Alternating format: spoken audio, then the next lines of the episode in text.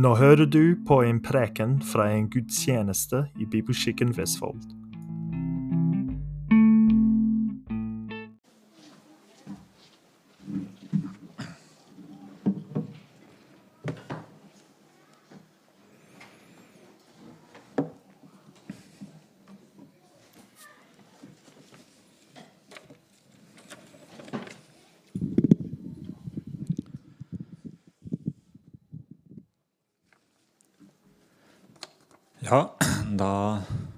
Nærmer jula seg, og alle er spente, tenker jeg. Og venter spent på det som skal skje. Og snart er den dagen her som alle ventet på. Nemlig julaften med familiehygge, god mat i form av ribbe, pinnekjøtt lutefisk og kanskje noe nøttestek. Ja, og tilleggsretter som poteter, kanskje, og surkål og rødbetsalat hører vel også med. Ehm, ja, så er det også noe som heter sossiser, som eh, hører med. Og julepølser og rødkålen. Og så må vi ikke glemme sausen òg. Dere kjenner kanskje tennene løpe i vann. Men det er ikke julaften enda. Og så er det gavene. De som jeg gledet meg skikkelig til som barn. Og det er kanskje det barna gleder seg aller mest til. Og man blir nok minnet om fordums tid, da man selv var barn og opplevde virkelig juleglede ved gavene og i gavene. Og jeg husker godt en uh, jul da jeg var liten, og da var jeg syk, husker jeg. Og um, jeg var det fortsatt når eh, gavene skulle åpnes. Men etter at jeg hadde åpna en pakke Jeg husker ikke om det var første gaven eller hvem det var i rekken, men uh, der lå det et par skøyter. Og så ble jeg frisk rett etter det. Jeg ble helbredet, kan man si. Kanskje det var antioksidantene som begynte å danse, eller et eller annet. Men jeg husker at jeg ble frisk nesten der og da. Ja, jeg husker til og med en gang da nissen kom. Vi hadde ikke som vane å, å ha veldig mye nisseting hos oss.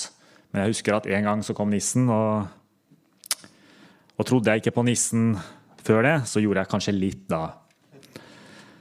Um, ja, mange av oss elsker også å pynte til jul. Når selveste julaften kommer, og vi setter oss ned i godstolene eller sofaen og skuer all pynten, julelysene og glitteret som henger eh, helt perfekt der det skal, skal henge, og så føler vi oss så fornøyd for det. Og Da tenker jeg også at siste rest av julestemningen har senket seg. Ja, eller vent litt, vi må kanskje ha litt snø til jul òg ser litt dårlig ut nå, men eh, det mangler på en perfekt julekveld. Det må vi helst ha i haugevis, slik som glitrer når solen sender sine stråler på den. Og bonus er det hvis det henger ned sånne bomullstjukke lag fra trærne. Og én ting til har jeg glemt. Vi er ferdig med julevasken nå. Vi har vaska gulvet og bør i ved, sånn som sangen sier. Og det lukter frisk grønnsåpe og kanskje litt klor. Med kanskje litt antibac i disse tider. Men rent og ryddig må vi ha det til jul for at stemningen skal bli komplett. Ja, og familien. Hva er jul uten familien? Man får kanskje bedre kontakt med dem enn ellers i livet. Eller i året. Barna får ekstra, ekstra oppmerksomhet. Kanskje ektefellen får ekstra oppmerksomhet. Ja, det er en herlig tid.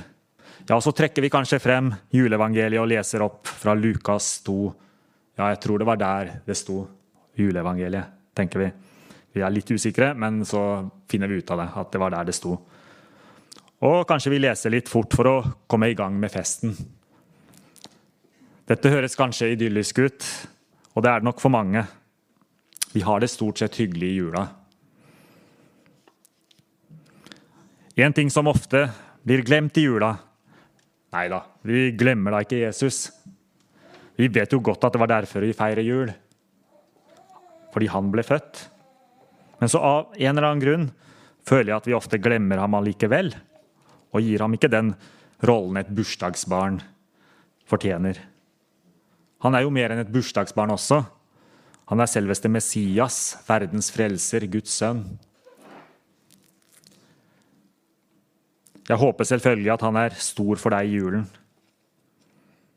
Men jeg har ofte kjent at det kanskje ikke alltid har vært slik for meg. At alt det andre har overdøvet julens budskap. Eh, de siste julene har i hvert fall et sted i Bibelen gått igjen og igjen hos meg når julen nærmer seg. Og Det kan vi slå opp i Matteus evangeliet, kapittel 1.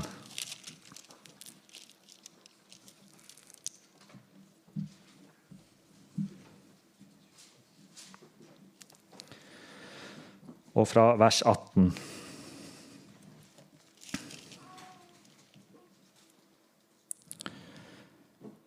Jesu Kristi fødsel skjedde på denne måten etter at hans mor Maria var blitt forlovet med Josef. Før de levde seksuelt sammen, viste det seg at hun var med barn med den hellige, ved Den hellige ånd. Hennes mann Josef, som var rettferdig, ville ikke føre offentlig skam over henne.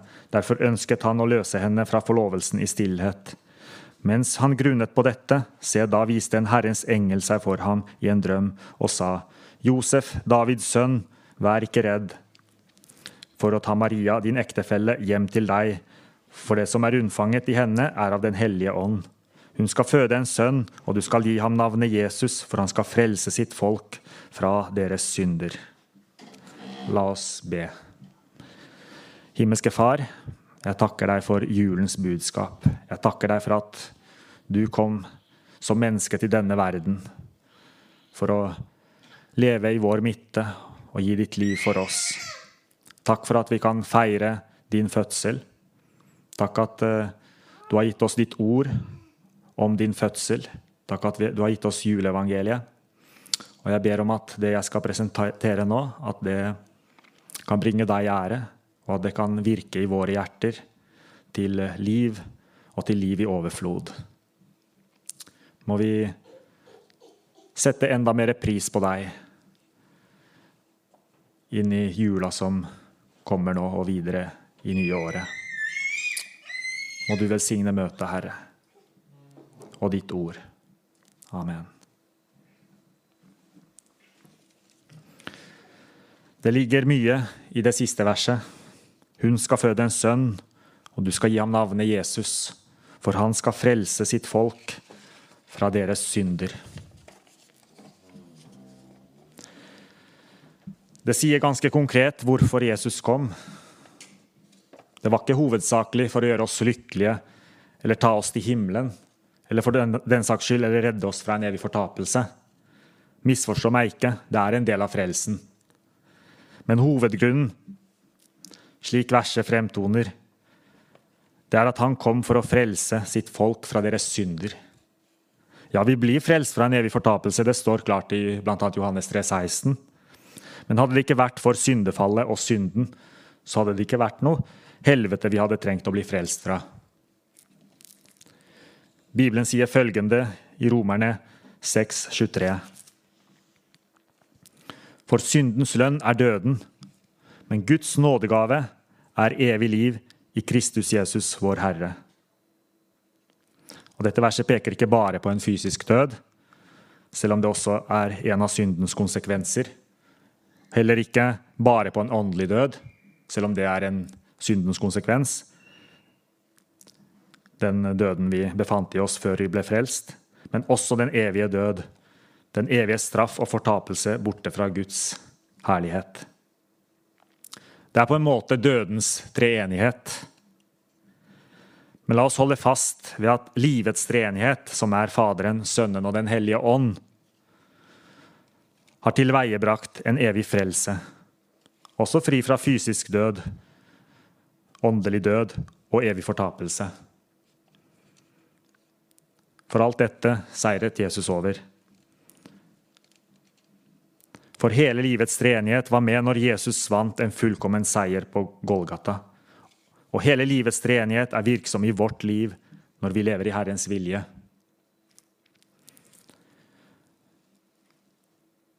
Men denne fullkomne seier på Golgata skjedde ikke av døden eller av fortapelsen, men av synden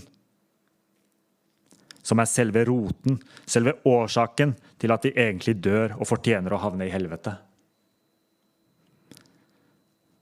Det var denne roten Jesus kom for å frelse oss fra. Han kom ikke for å frelse oss fra helvete for at vi skulle fortsette i synden. Nei, han kom for å frelse oss fra synden for at vi dermed skulle slippe å gå fortapt. Og han, han ville frelse oss fra synden for, fordi han ønsket å vinne seg en ren og hellig brud for å kunne ha fortrolig samfunn med oss. Mange leger i dag de sliter med å gå inn til selveste roten i en sykdom. Man behandler altfor ofte symptomene med medisiner og forebygger alvorlig sykdom med medisiner istedenfor å komme med noe som til å begynne med kunne holdt den syke frisk. Mange tar også Paracet eller Ibux for å få vekk en hodepine eller andre smerter som oppstår i ny og ne. Og jeg har hørt også folk, Noen tar det til og med før de får vondt, for å være sikker på at de kan gå uten smerter gjennom livet, nesten. Men eh,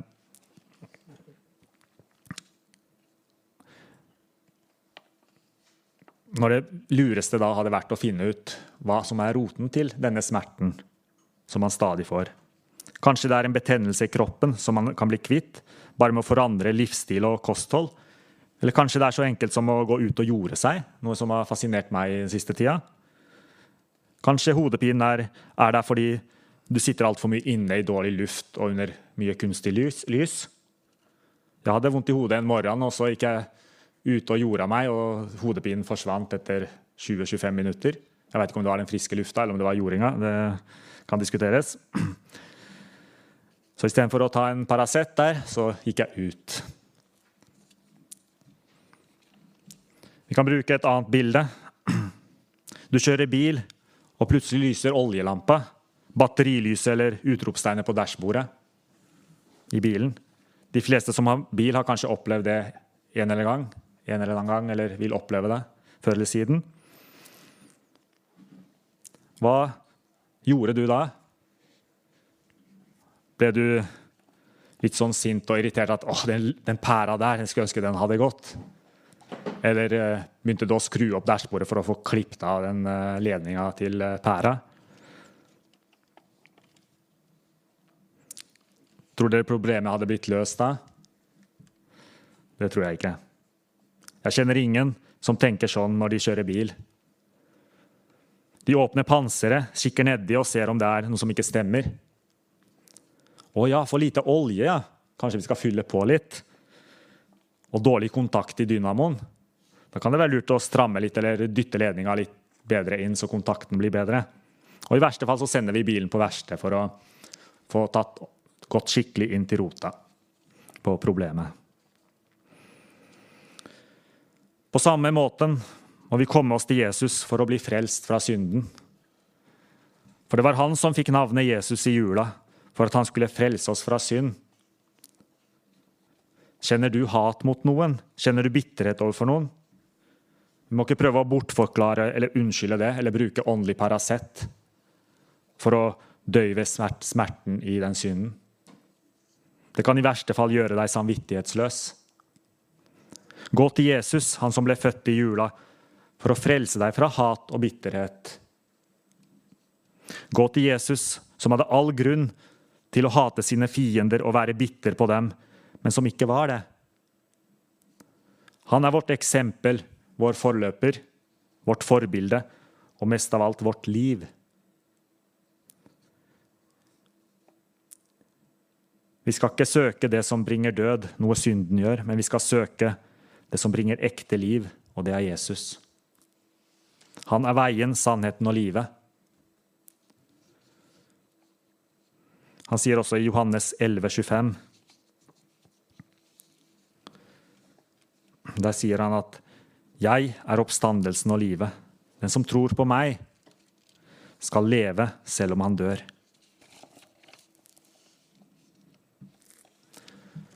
Det jeg vil gjøre nå, er å ta for meg noen punkter fra Matteus og Lukasevangeliets passasjer om jula.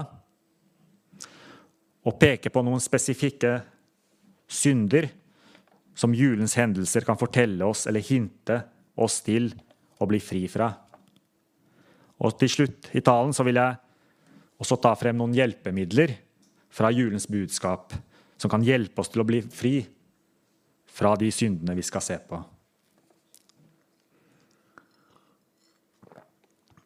Hvis vi går til Matteus helt i begynnelsen, så ser vi en, en et, ettertavle der.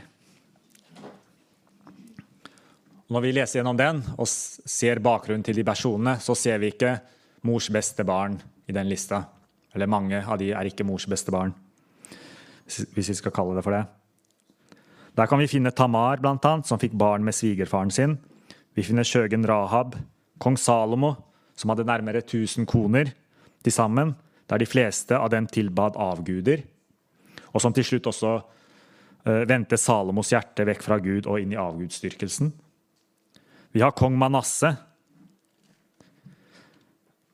som ifølge andre kongebok 21.2 gjorde det som var ondt i ærens øyne, etter styggedommene til hedningenfolkene som Gud hadde drevet bort fra Israels barns ansikt, for å sitere det som står. Og han bygde også opp de offerhaugene som hans gudsfryktige far Hiskia hadde ødelagt. Og videre går det an å lese at han ofret sin sønn på grusomt hedensk vis ved å la ham gå gjennom ilden. Vi kjenner videre til Davids affære med Batseba, drapet på Uria, for at han skulle få beholde Batseba som kone. Og listen kunne være lengre. Med andre ord en skikkelig ufullkommen slekt med konger og mennesker som var offer for de verste åpenbare synder som har blitt nedskrevet i historiens gang. De fleste av oss har nok ikke syndet slik at det er blitt satt slike spor i historien som de nevnte personene i Jesu ettertavle. Men Jesus ble født inn i denne syndige slekt. Og Noe annet som var uvanlig på den tiden, var å inkludere kvinner i ettertavlene. Og spesielt når man også inkluderte hedningekvinner som Ruth og Sjøgen Rahab. Men her var det altså fire stykker inkludert også. Tamar, Ruth, Rahab og Batseba. Nå legger man nok ikke så stor prestisje og ære i ettertavlene i vår tid, slik det ble gjort på Jesu tid. Men at Jesus ble født inn i en såpass syndig slekt, kan jeg tenke meg fikk mangens øyne opp. Kanskje Jesus i ungdomsårene ble erta og spotta fordi han stammet fra en uverdig slekt med mye blod på sine hender. I vår tid kjenner den gjennomsnittlige nordmann sin slekt ikke mer enn kanskje noen få generasjoner tilbake. Og da vet vi også lite av de vi er slekt med. Veldig få av de jeg kjenner, legger ånd og sjel i slektforskning. Jeg vet ikke hvor mange det er her som gjør det. De gjør det for å bli bedre kjent med slekta og hvor de stammer fra. Og enda færre kan speile seg med en slik ond slektstavle som Gud bestemte at Jesus skulle bli født inn i. Og denne slektstavlen kunne med andre ord ført til at Jesus møtte spott, mobbing og latterliggjøring, og kunne føre til at han ble fristet til å bli misunnelig på noen med en renere slekt. Kanskje sint, voldelig eller hatefull, kanskje han ble frista til det mot de verste angrepene han møtte. Men Jesus visste at alle mennesker er dypt sunkne syndere som har brutt Guds fullkomne lov og står dermed uten unnskyldning. Alle mennesker er løgnere. De har stjålet, de har eh, spotta, de har baktalt. De har drevet hor på en eller annen måte. Så i bunn og grunn er ikke våre slekter noe bedre enn andres. De er fulle av syndere. Men Jesu rike var ikke av denne verden men av en annen verden med andre kjøreregler. Da måtte han forvente forfølgelse, spott, mobbing, misforståelser osv. Og, og Jesu tilsvar var å elske og velsigne og gjøre godt mot dem som hatet ham. Og jeg kan tenke meg at han også ba for dem. Det er jo det han snakker om i bergpreken, og jeg tror at han gjorde det fordi jeg tror han hadde levd det ut på forhånd, det han talte videre.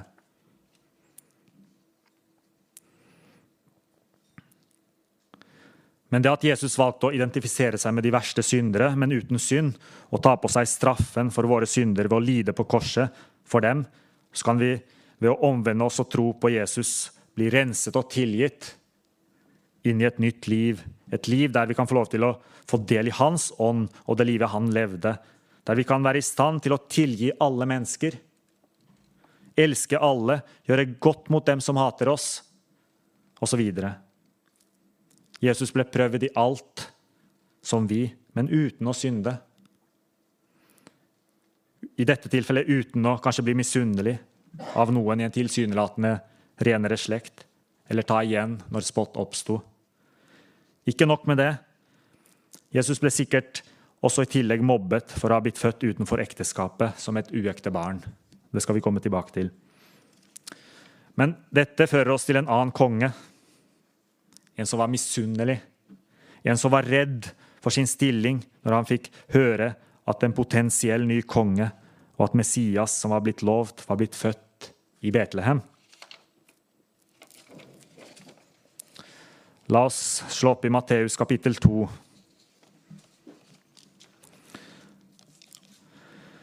Og lese fra vers 1.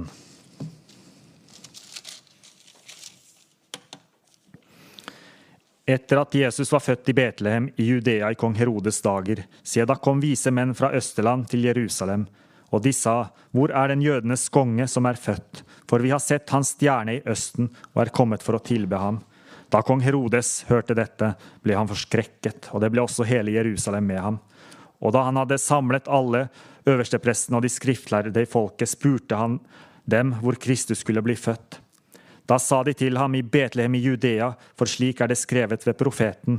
Men du, Betlehem i Judaland, du er slett ikke den ringeste blant fyrstene i Juda, for ut fra deg skal det komme en fyrste, han skal være hyrde for mitt folk Israel. Også fra vers 16. Da ble Herodes rasende, for han så at han var blitt lurt av de vise menn. Og han sendte ut noen og lot drepe alle guttebarn som var to år eller yngre, og som var i Betlehem og i alle distriktene omkring. Alt etter den tid han hadde fått vite av vismennene. Da ble det oppfylt, som var talt ved profeten Jeremia, når han sier:" En røst ble hørt i Rama, klagesang, gråt og stor sorg. Rakel gråt over sine barn, og hun ville ikke la seg trøste, for de er ikke mer.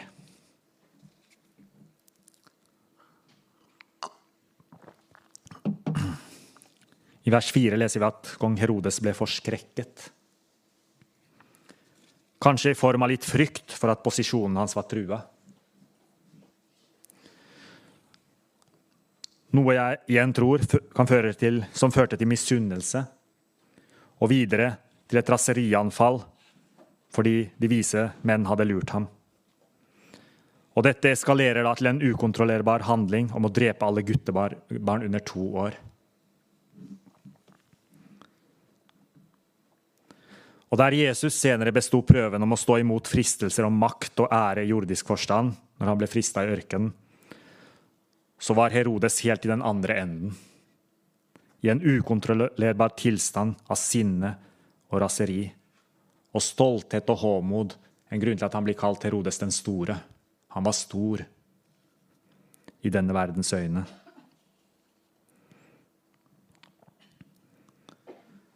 Hadde han forstått seg på Guds veier, så hadde han absolutt ikke trengt å frykte for posisjonen sin. For Jesu rike var ikke av denne verden, slik Herodes kongerike var. Jesu kongerike var fra himmelen. Så det andre Herodes gjør, er å felle en dom ut fra et jordisk perspektiv om hva en etterfølger på kongetronen ville være.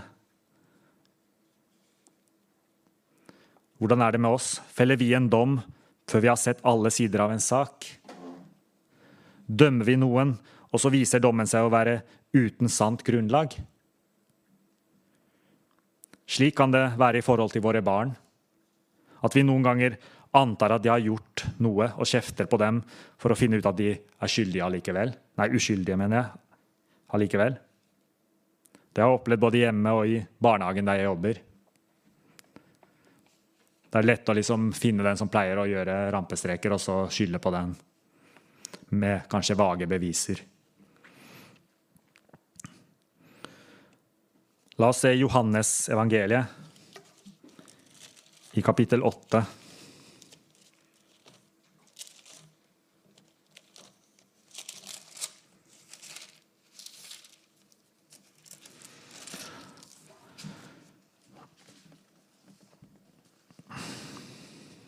Og vers 14.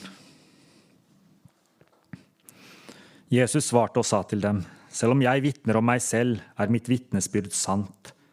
For jeg vet hvor jeg kommer fra og hvor jeg går. Men dere vet ikke hvor jeg kommer fra og hvor jeg går. Dere dømmer etter kjødet, jeg dømmer ingen. Men likevel, om jeg dømmer, er min dom sann. For jeg er ikke alene om den, men jeg er sammen med Faderen som sendte meg. Og Hvis vi går tilbake til Herodes,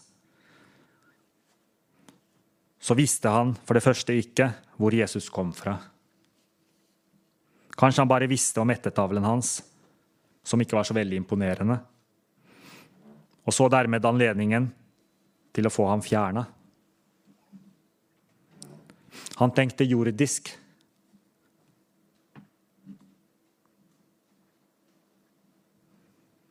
Han dømte etter kjødet, sånn som vi leste i Johannes. Og den som er av denne verden, tenker jordisk fordi deres sinn er rettet mot det jordiske. Men Jesus visste hvor han kom fra, og hvor han gikk. Og så sier Jesus at dere dømmer etter kjødet. Dette er vanlig for den som er jordisk innstilt. Det var den dommen Herodes felte. Og når vi er jordisk rettet og skal dømme over himmelske ting, da er det dømt til å gå galt. Det er en grunn til at Paulus ber korintermenigheten om å ikke få sine saker dømt av en verslig domstol, og at de helst skal unngå saker seg imellom også. Men om det oppstår noe, så skal de være i stand til å løse de tingene mellom seg som troende. Og ikke måtte føre saken inn for en verslig domstol. Som det står i 1. Korinterne 6, vers 1-6. Verden det forstår seg ikke på det åndelige eller det hellige. Herodes forsto seg ikke på Jesus og det rike han skulle bygge. Jesus sier, 'Dere dømmer etter kjødet', som vi leste, og så sier han videre, 'Jeg dømmer ingen'. Og selv om han skulle dømt, så sier han at hans dom er sann. Jesus hadde all rett til å dømme men han gjorde det allikevel ikke. Selv om Bibelen snakker om å felle en rettferdig dom, og har innsatt eldste i menigheten til å drive menighetstukt når det oppstår situasjoner som trenger det. Men da har også Bibelen egne retningslinjer på dette. Men den dommen vi snakker om, er en type dom der man går til angrep på noen, og feller dermed en feilaktig dom, slik som i Herodes tilfelle. La oss gå tilbake til Matteus 2 og vers 16 igjen. Da ble Herodes rasende, for han så at han var blitt lurt av de vise menn, og han sendte ut noen og lot drepe alle guttebarn som var to år eller yngre, og som var i Betlehem og i alle distriktene omkring alt etter den tid han hadde fått vite av vismennene. De syndene som jeg ser komme ut fra Herodes liv i forbindelse med julehistorien, er misunnelse, hat, raseri og en urettmessig dom. Hadde Herodes bedømt Jesus riktig, så hadde han kanskje ikke brydd seg så mye, så lenge det ikke truet hans kongedømme. Hvordan er det med oss? Hvordan er det med misunnelse blant oss? I kristne sammenhenger kan det være lett for noen å misunne en annens tjeneste. Det kan være lett for en som forkynner ordet, å sammenligne seg med andre som forkynner ordet, og føle at man ikke gjør det så bra som den andre. En sånn tankegang må man få vekk. Jeg må si av og til at jeg blir fristet til å tenke sånn. Når jeg f.eks. hører en veldig bra preken, kanskje av Erlend, Kenneth eller Bob, eller noen andre, så blir jeg fristet til å bli misunnelig og tenke at bare jeg kunne ha sagt det samme på den måten. Vinklet det sånn og sånn. Djevelen er veldig flink på å friste oss til å bli misunnelige av andres tjeneste eller på andre forsynere. Og En slik tankegang må vi unngå i våre liv, og vi må stå imot disse fristelsene. Det begynner med misunnelse, og så kan det bygge seg videre til et slags hat. Og Bibelen sammenligner også hat med drap.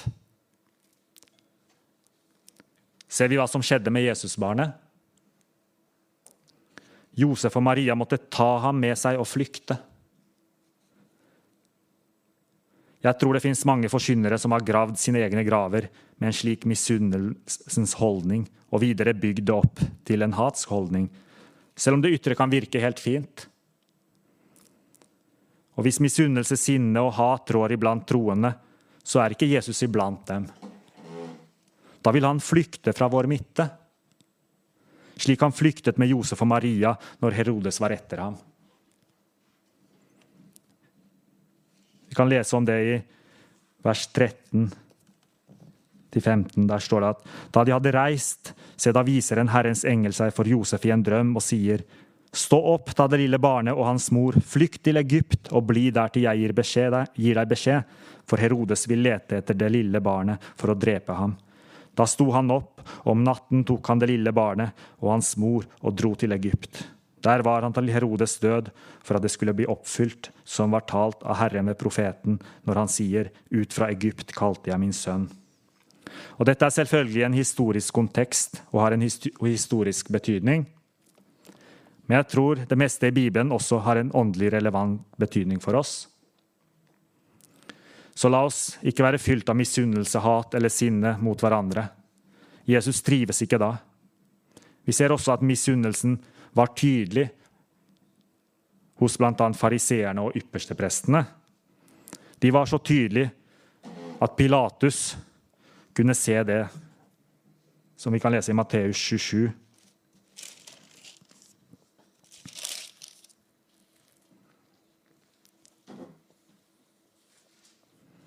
Og vers 18.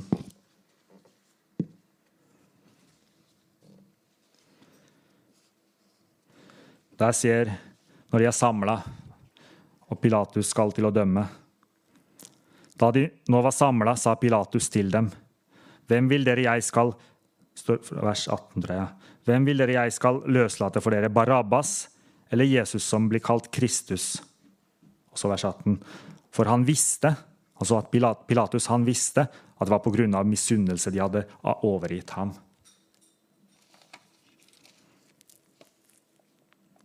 Vi ser også hvordan misunnelse er i listen som Jesus gir oss over urenheter i Markus 7,22. Og Paulus formaner i Romerne 13, 13.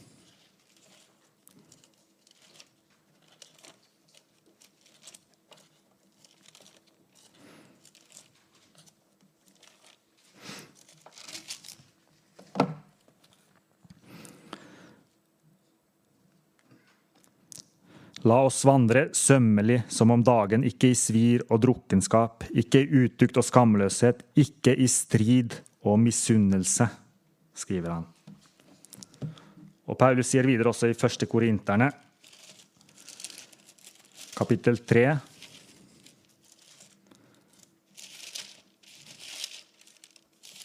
og vers 3.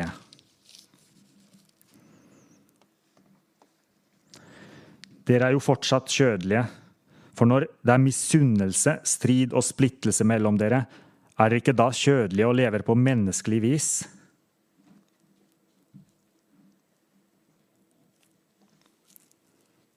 Paulus' frykt for korintermenighetens ve og vel kommer også tydelig fram i andre korinterbrev, i kapittel 12 og vers 20. For jeg frykter at jeg ikke skal finne dere slik jeg ønsker når jeg kommer, og at jeg skal bli funnet av dere slik dere ikke ønsker. Jeg frykter at det vil være stridigheter, misunnelse, utbrudd av vrede, selvhevdelse, baktalelse, sladder, hovmod og opprør.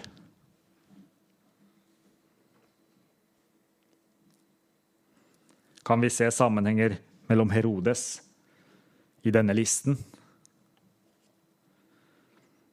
Stridigheter, misunnelse, utbrudd av vrede, selvhevdelse. 'Å, jeg er den store', ikke sant? var Herodes. Baktalelse og sladder. Han sa jo til eh, de vise mennene at 'gå og finn ut hvor han er, så skal jeg komme og tilbe dem også'. Det er på en måte å føre sladder, falske rykter, for det var ikke det han egentlig ville. Det var at Han ville egentlig ta livet av Jesusbarnet, ikke komme og tilbe ham. Og håmod og opprør. Og I Filippebrevet 1,15 så sier Paulus også at noen faktisk forsyner Kristus ut fra misunnelse og stridslyst. Så de finnes nok. Og hvis de fantes da, hvor mye mer i dag?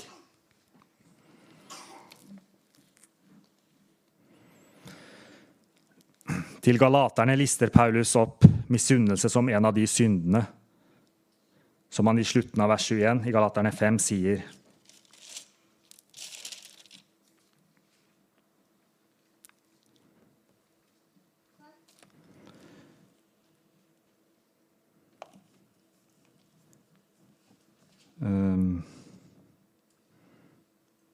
ja, fra 19, da, kan vi lese. Kjøttets, er åpenbare. De er ekteskapsbrudd, hor, urenhet, skamløs uttrykt avgudsdyrkelse, trolldom, hat, stridigheter, sjalusi, vrede, selvhevdelse, splittelser, partier. Og så kommer misunnelse.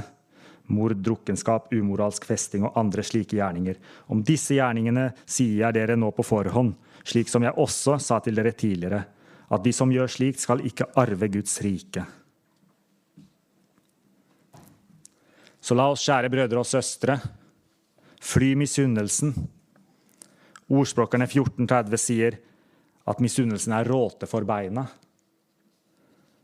La oss heller ha et sunt hjerte, som er liv for legemet, som er kontrasten i, ordspråk, i det ordspråket.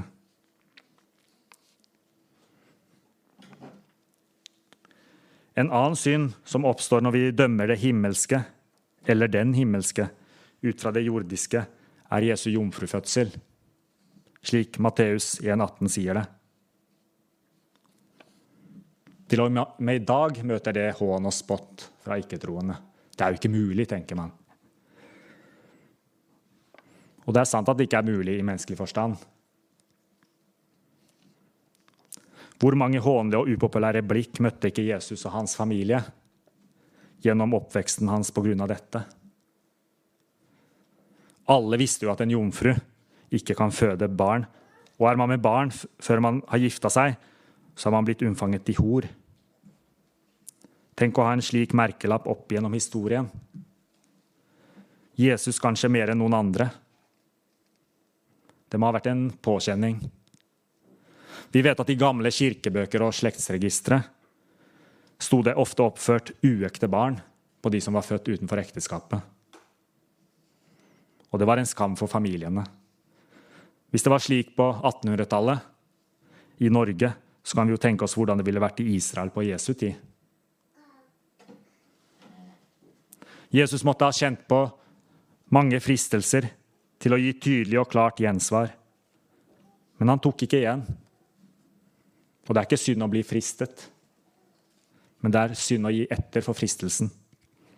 Men Jesus, når han ble frista, så ga han ikke etter. Han tok ikke igjen. Han brydde seg ikke om, om hva mennesker mente om han, om han. Han var kun opptatt av å gjøre Guds vilje. Vi kan være ofte opptatt av hva mennesker mener om oss. Jeg tenker litt eh, Etter at jeg begynte med de brillene her, så tenkte jeg litt sånn at hva vil mennesker mene om meg nå?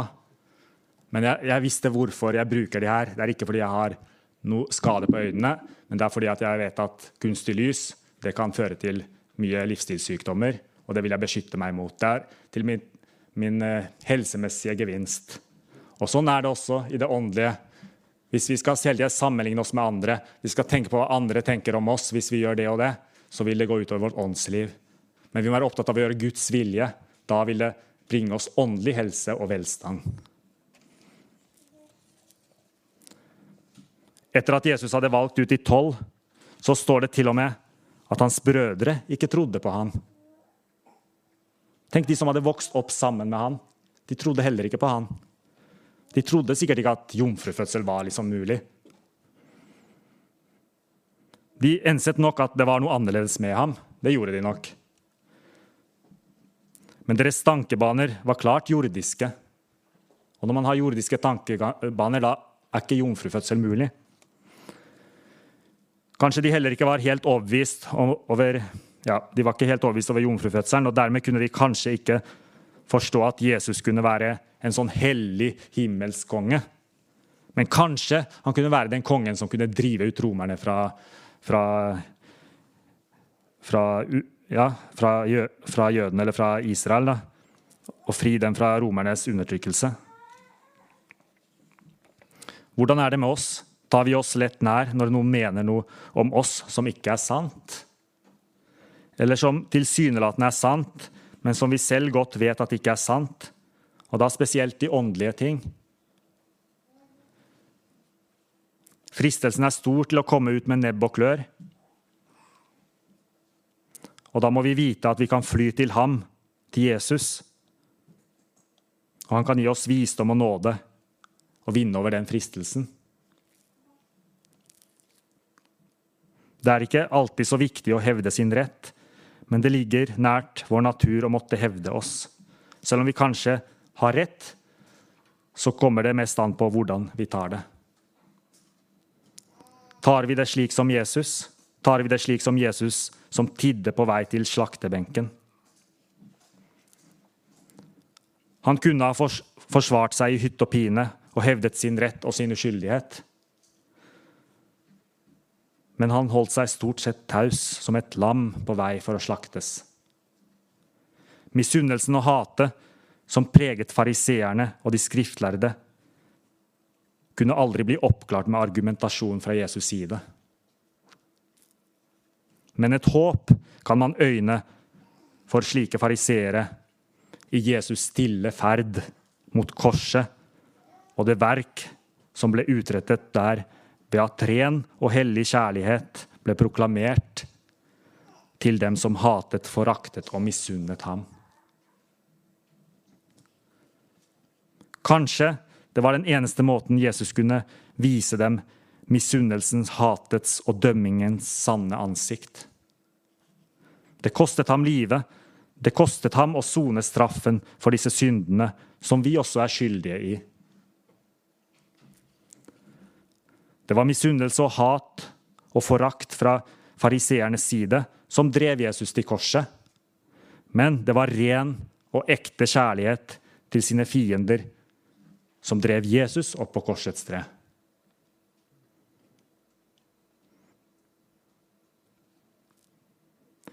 Så er spørsmålet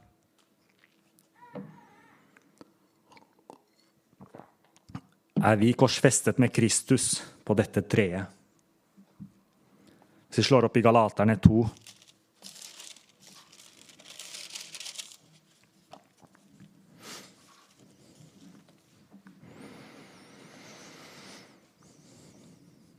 Galaterbrevet, kapittel 2, og vers 20.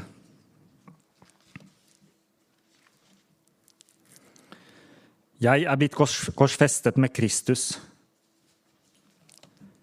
Det er ikke lenger jeg som lever, men Kristus lever i meg. Og det livet som jeg nå lever i kjødet, lever jeg i tro på Guds sønn, han som elsket meg og ga seg selv for meg. Er mitt gamle menneske blitt korsfestet sammen med Kristus? Er vår misunnelse, hat og bitterhet der oppe på korset, sammen med vårt gamle liv? Er alt det vi levde i tidligere, før Kristus frelste oss, oppe på det korset. Litt senere i Galaterbrevet, i kapittel 5 og vers 24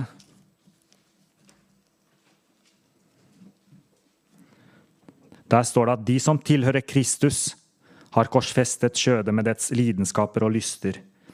Hvis vi lever i Ånden, så la oss også vandre i Ånden.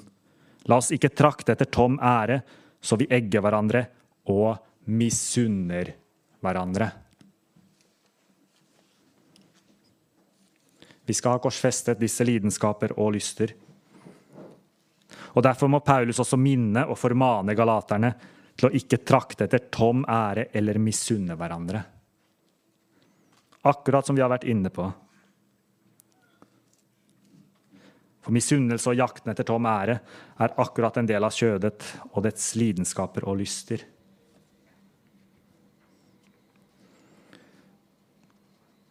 Akkurat dette drev Herodes til å ville ta livet av Jesus. Men det var først litt senere, 30 år senere, at misunnelsen vår og misunnelsen til fariseerne ville føre ham opp på korsets tre. Tiden var ikke inne på Herodes tid, den var inne rundt 30 år seinere. Det var altså misunnelse som drev Jesu fiender til å korsfeste ham. Men det var Guds rene kjærlighet til menneskene som drev Jesus opp på korset.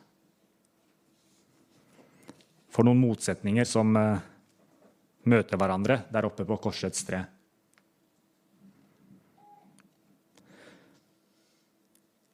Når vi er korsfestet med Kristus, så må vi la misunnelsen holde seg på korset med Kristus.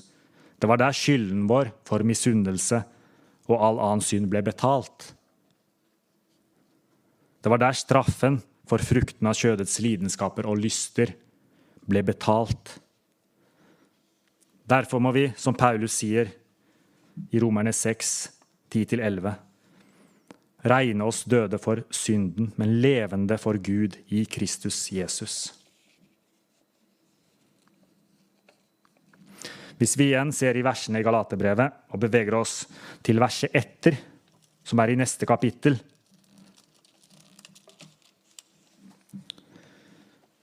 I kapittel 6 så kommer vi også inn på det å dømme, og hvordan man i menighetssammenheng bør dømme med visdom og rett. Og overholdes ikke det, som jeg skal lese fra Galaterne 6,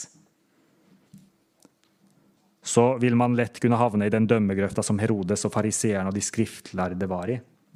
Så i Galaterne 6, vers 1 står det:" Brødre, hvis et menneske blir grepet i en overtredelse, skal dere som er åndelige, vise en slik til rette med en ydmyk ånd og pass deg selv, så ikke du også blir fristet. Eh, en sammenligning med Jesus på dette området var eh, når, eh, med tanke på den kvinnen som ble grepet i hor. Der kom fariseerne og de skriftlærde og hevdet sin rett. Du skal steines fordi du har drevet hor. Ja, Moseloven sa det. Men så kommer Jesus, som er åndelig og kan dette med, ydmyk, men, å ha en ydmyk ånd. Han kommer og, og sier til fariseerne at den av dere som er uten synd, kan kaste den første stein. Og så forsvinner alle de én etter én. De eldste først, sikkert fordi de hadde mest synd. Og så blir det kvinnen og Jesus igjen. Og så sier, spør Jesus Hvem er det som eh, fordømmer deg nå? Og da var det ingen der. Og så sier Jesus også, heller ikke jeg fordømmer deg. Men han kunne si, gå bort og synd ikke mer. Han dømte ikke kvinnen, men han sa, gå bort og synd ikke mer. Sier man det i dag, så blir man eh, anklaga for å dømme hvis man sier at vi ikke skal synde mer. Men Jesus sa det til kvinnen, og han dømte ingen.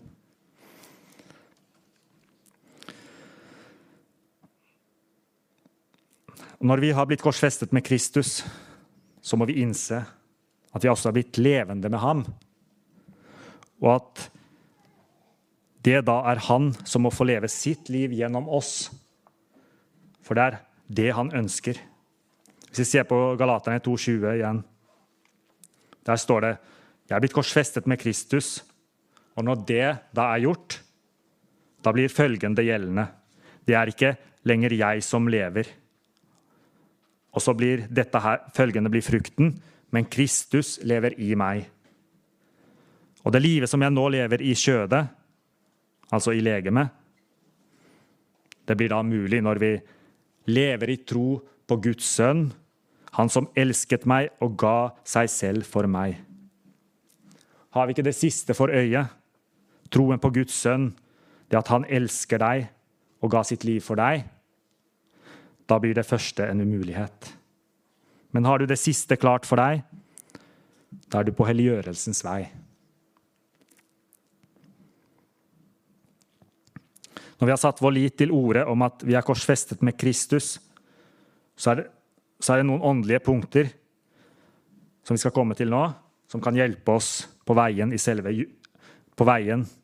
Og de finner vi i selveste juleevangeliet, som er i Lukas evangelium.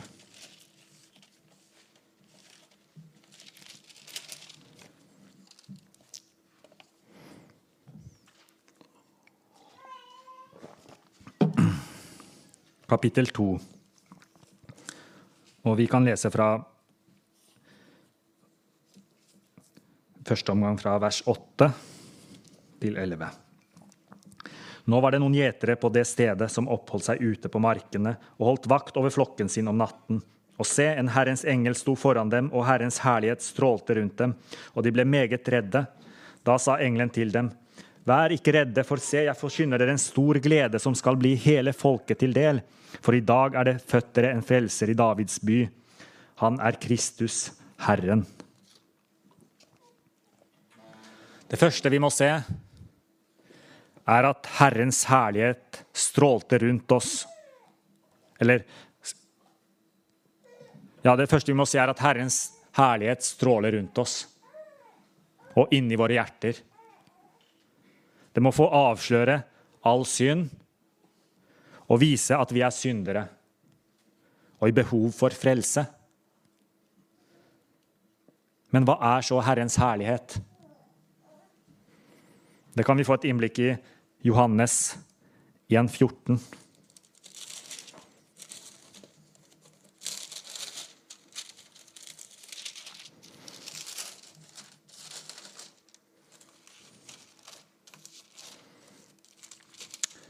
Johannes evangelium 1,14 står det. Og ordet ble kjøtt og tok bolig iblant oss, og vi så hans herlighet, den herlighet som den enbårne har fra Faderen, full av nåde og sannhet. Man kunne holdt en hel preken om nåde og sannhet, men det har vi, ikke tid til nå. Men en del av Guds herlighet i Jesus Kristus er hans nåde. Tenk, det står av nåde er vi frelst, står det i Efeserne. Vi har fått tilgivelse og soning for våre synder. Denne Guds nåde er en del av Hans herlighet. Og vi vet også at nåden oppdrar oss i helliggjørelsen. Og vi ser også at gjeterne i første omgang ble redde. De ble redde, for de så Guds herlighet. Og det kan vi også fort bli ved første øyekast når vi får se vår synd, og hva vi egentlig fortjener. Men vi skal ikke forbli der i redselen og frykten for vår synd og for straffen. Men når nåden treffer vårt indre, så kan Guds stemme høres. Som det står da. Vær ikke redde, for se, jeg forkynner dere en stor glede som skal bli folket, eller deg, til del. For i dag er det født deg, kan vi si, en frelser i Davids by. Han er Kristus Herren.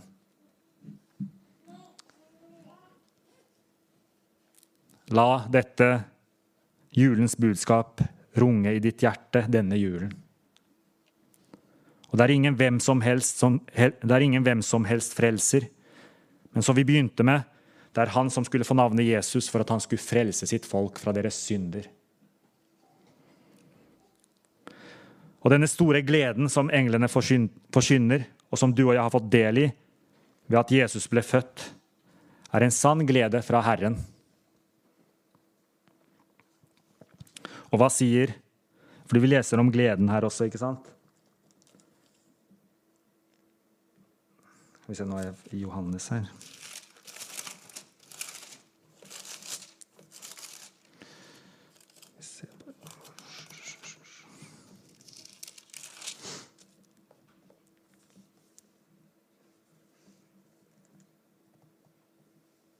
Ja. Se, jeg forsyner dere en stor glede. Og hva sier Guds ord om Herrens glede? Jo, i bl.a. Nehemia 8,10 så står det at gleden i Herren er vår styrke. La oss ha vår glede i Herren, sånn som Erlend også leste under skriftlesninga i Gledens brev, om eh, at vi alltid skulle glede oss. Og det er der Paulus visste hva denne gleden var. Derfor sa han at gled dere alltid. Igjen vil jeg si dere gled dere, fordi han visste at det var styrke i den gleden. Så la oss ha vår glede i Herren, for det vil styrke oss i vår vandring. Jeg har sett kristne som indirekte hevder å ha styrke til et seirende kristenliv, men som har sett triste og nedbøyde ut i Herren, hvis man kan si det sånn. Men la oss glede oss i Herren. Det er da, da jeg kjenner styrke i kristenlivet, når jeg kan glede meg og fryde meg i Ham. Det er også derfor, som sagt, at Paulus formaner oss til å glede oss i Herren. La oss se i Lukas evangelium i kapittel 2 og vers 14. Her kommer neste punkt om hvordan vi kan eh, få hjelp i vår vandring og vinne over disse syndene. Der står det:" Ære være Gud i det høyeste og fred på jorden, Guds velbehag blant menneskene. Her er to viktige ting. Først lovprisning, som bare kan komme når vi har fått se Herrens herlighet og opplevd denne store gleden i Herren. Uten det kan det ikke bli noe sann lovprisning. Du vet at et kjennetegn på gleden i Herren er at du lovpriser og ærer ham når du er i ditt lønnkammer? Inneholder ditt bønneliv bare en smørbrødliste til Gud om alt det du trenger fra ham? Eller inneholder den også en gledesfylt lovprisning?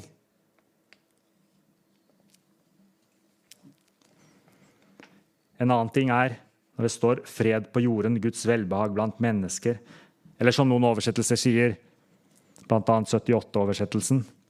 Fred på jorden hos mennesker som har hans velbehag. Syns den oversettelsen er best av den 78. Fred på jorden hos mennesker som har hans velbehag. Og Det også samstemmer også best med Bibelens budskap om fred. Og fred mellom troende det er også en styrke i kristenlivet. Er det stadig stridigheter, misunnelse, dømming, baksnakking i en menighet, så råder ikke freden som, som englene sang om. Guds ønske er i første omgang at du personlig har fred med Gud, og så fred med alle mennesker, og spesielt mellom de troende. Kan vi lese vers 17 i juleevangeliet? Skulle vært et eget evangelium, julens evangelium, kapittel 2. Skal vi se Lukas 2, vers 17. Da de hadde sett ham, gjorde de kjent vidt omkring hva som var sagt dem om dette barnet.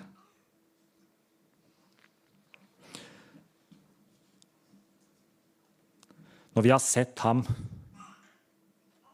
og dermed gjør ordet om Herren kjent, det vil også gi styrke. Det å komme med vitnesbyrd, dele ordet med andre, ikke bare i menighetssammenhenger, men også i andre lag. Det vil bringe styrke, ikke bare til deg sjøl, men til de rundt deg. Det å vitne for ufrelste kan også gi frimodighet og styrke. Og det blir nesten som man ikke kan tie stille når man har fått oppleve det som gjeterne fikk oppleve. Men hvor mye mer når vi har fått se evangeliet i lys av det Jesus gjorde for oss på Golgata. Så vil jeg avslutte med en siste og avgjørende perle, som kanskje er den viktigste av dem alle, og den kan vi finne hos Maria. Så vi leser fra vers videre i vers 18.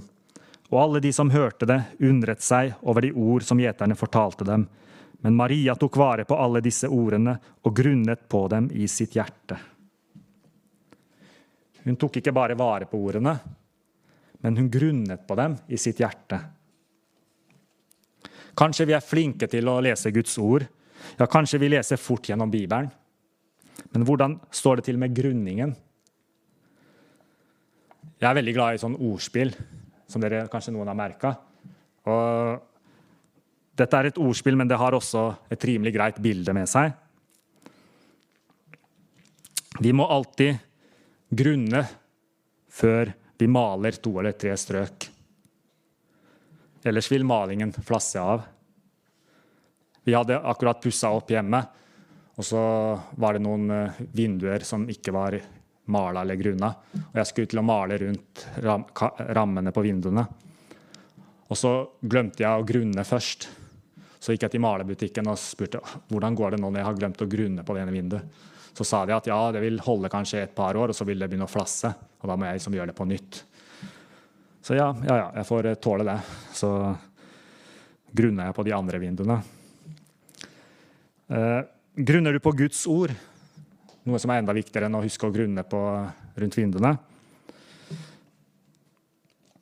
Fødes forkynnelsen din eller det du deler av Bibel med andre, ut fra at du har grunnet på ordet?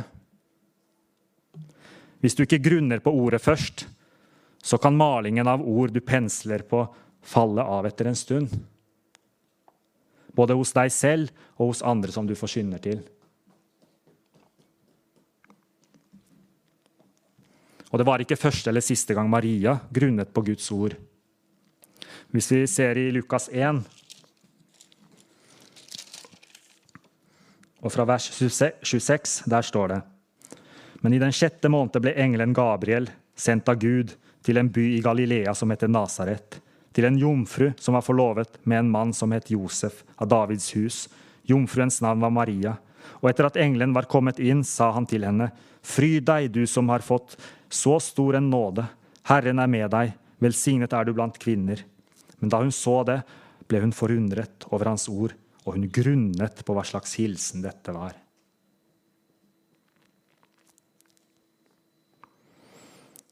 Hun grunnet på dette. Og som om ikke det var nok, så kan vi slå opp i Lukas 2, 51, der som Erlend talte om for eh, noen søndager siden. Det er etter at eh, Jesus hadde vært i tempelet som tolvåring. Vi kan jo lese fra vers 49 for å få det Jesus sa til dem når de leita etter Jesus. Og han sa til dem, 'Hvorfor lette dere etter meg? Visste dere ikke at jeg må være i min fars hus?' Men de forsto ikke det, det ord han talte til dem. Så dro han ned sammen med dem og kom til Nasaret, og han var dem lydig. Men hans mor tok vare på alle disse ordene i sitt hjerte. Ser vi ydmykheten hos Maria som et eksempel for oss? Grunner vi først, så blir malingen solid og holder lenger. Du har kanskje hørt prekener i ditt liv som du husker den dag i dag, selv om det er årevis siden du hørte dem. Det er sannsynligheten stor for at det var blitt gjort et godt grunnarbeid med ordet, som ble malt på ditt hjerte den dagen, og som har klart å holde seg der til denne dag. Da har ditt hjerte blitt malt med en slags åndelig drygolin som tåler vær og vind.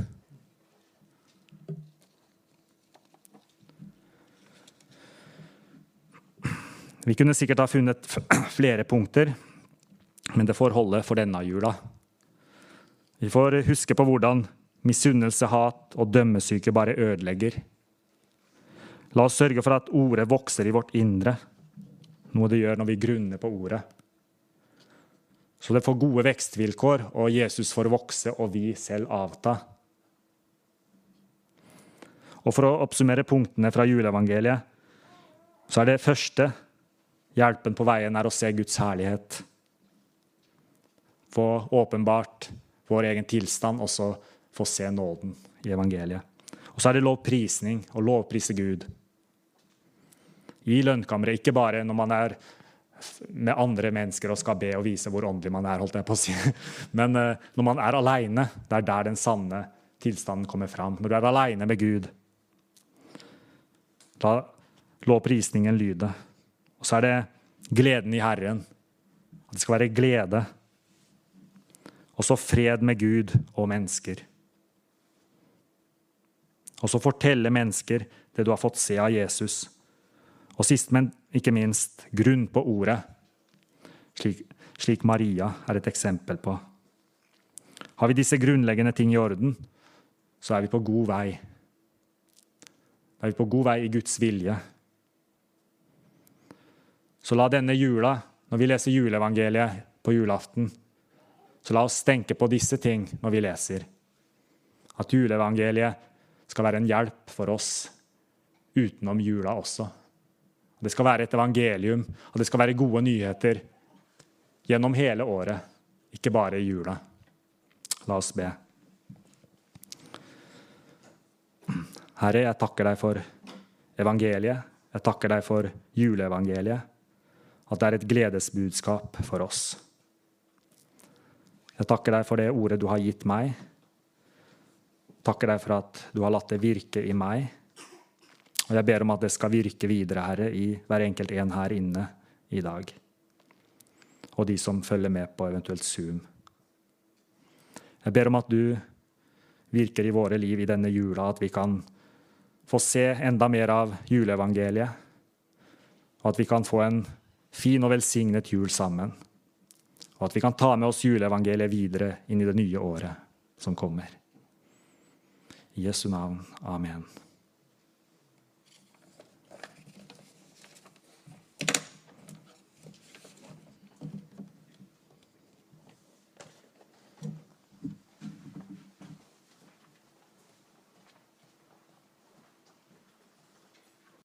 Takk for at du hørte på denne prekenen. Ønsker du mer informasjon, besøk bibelkirken.com eller vår Facebook-side Bibelkirken Vestfold.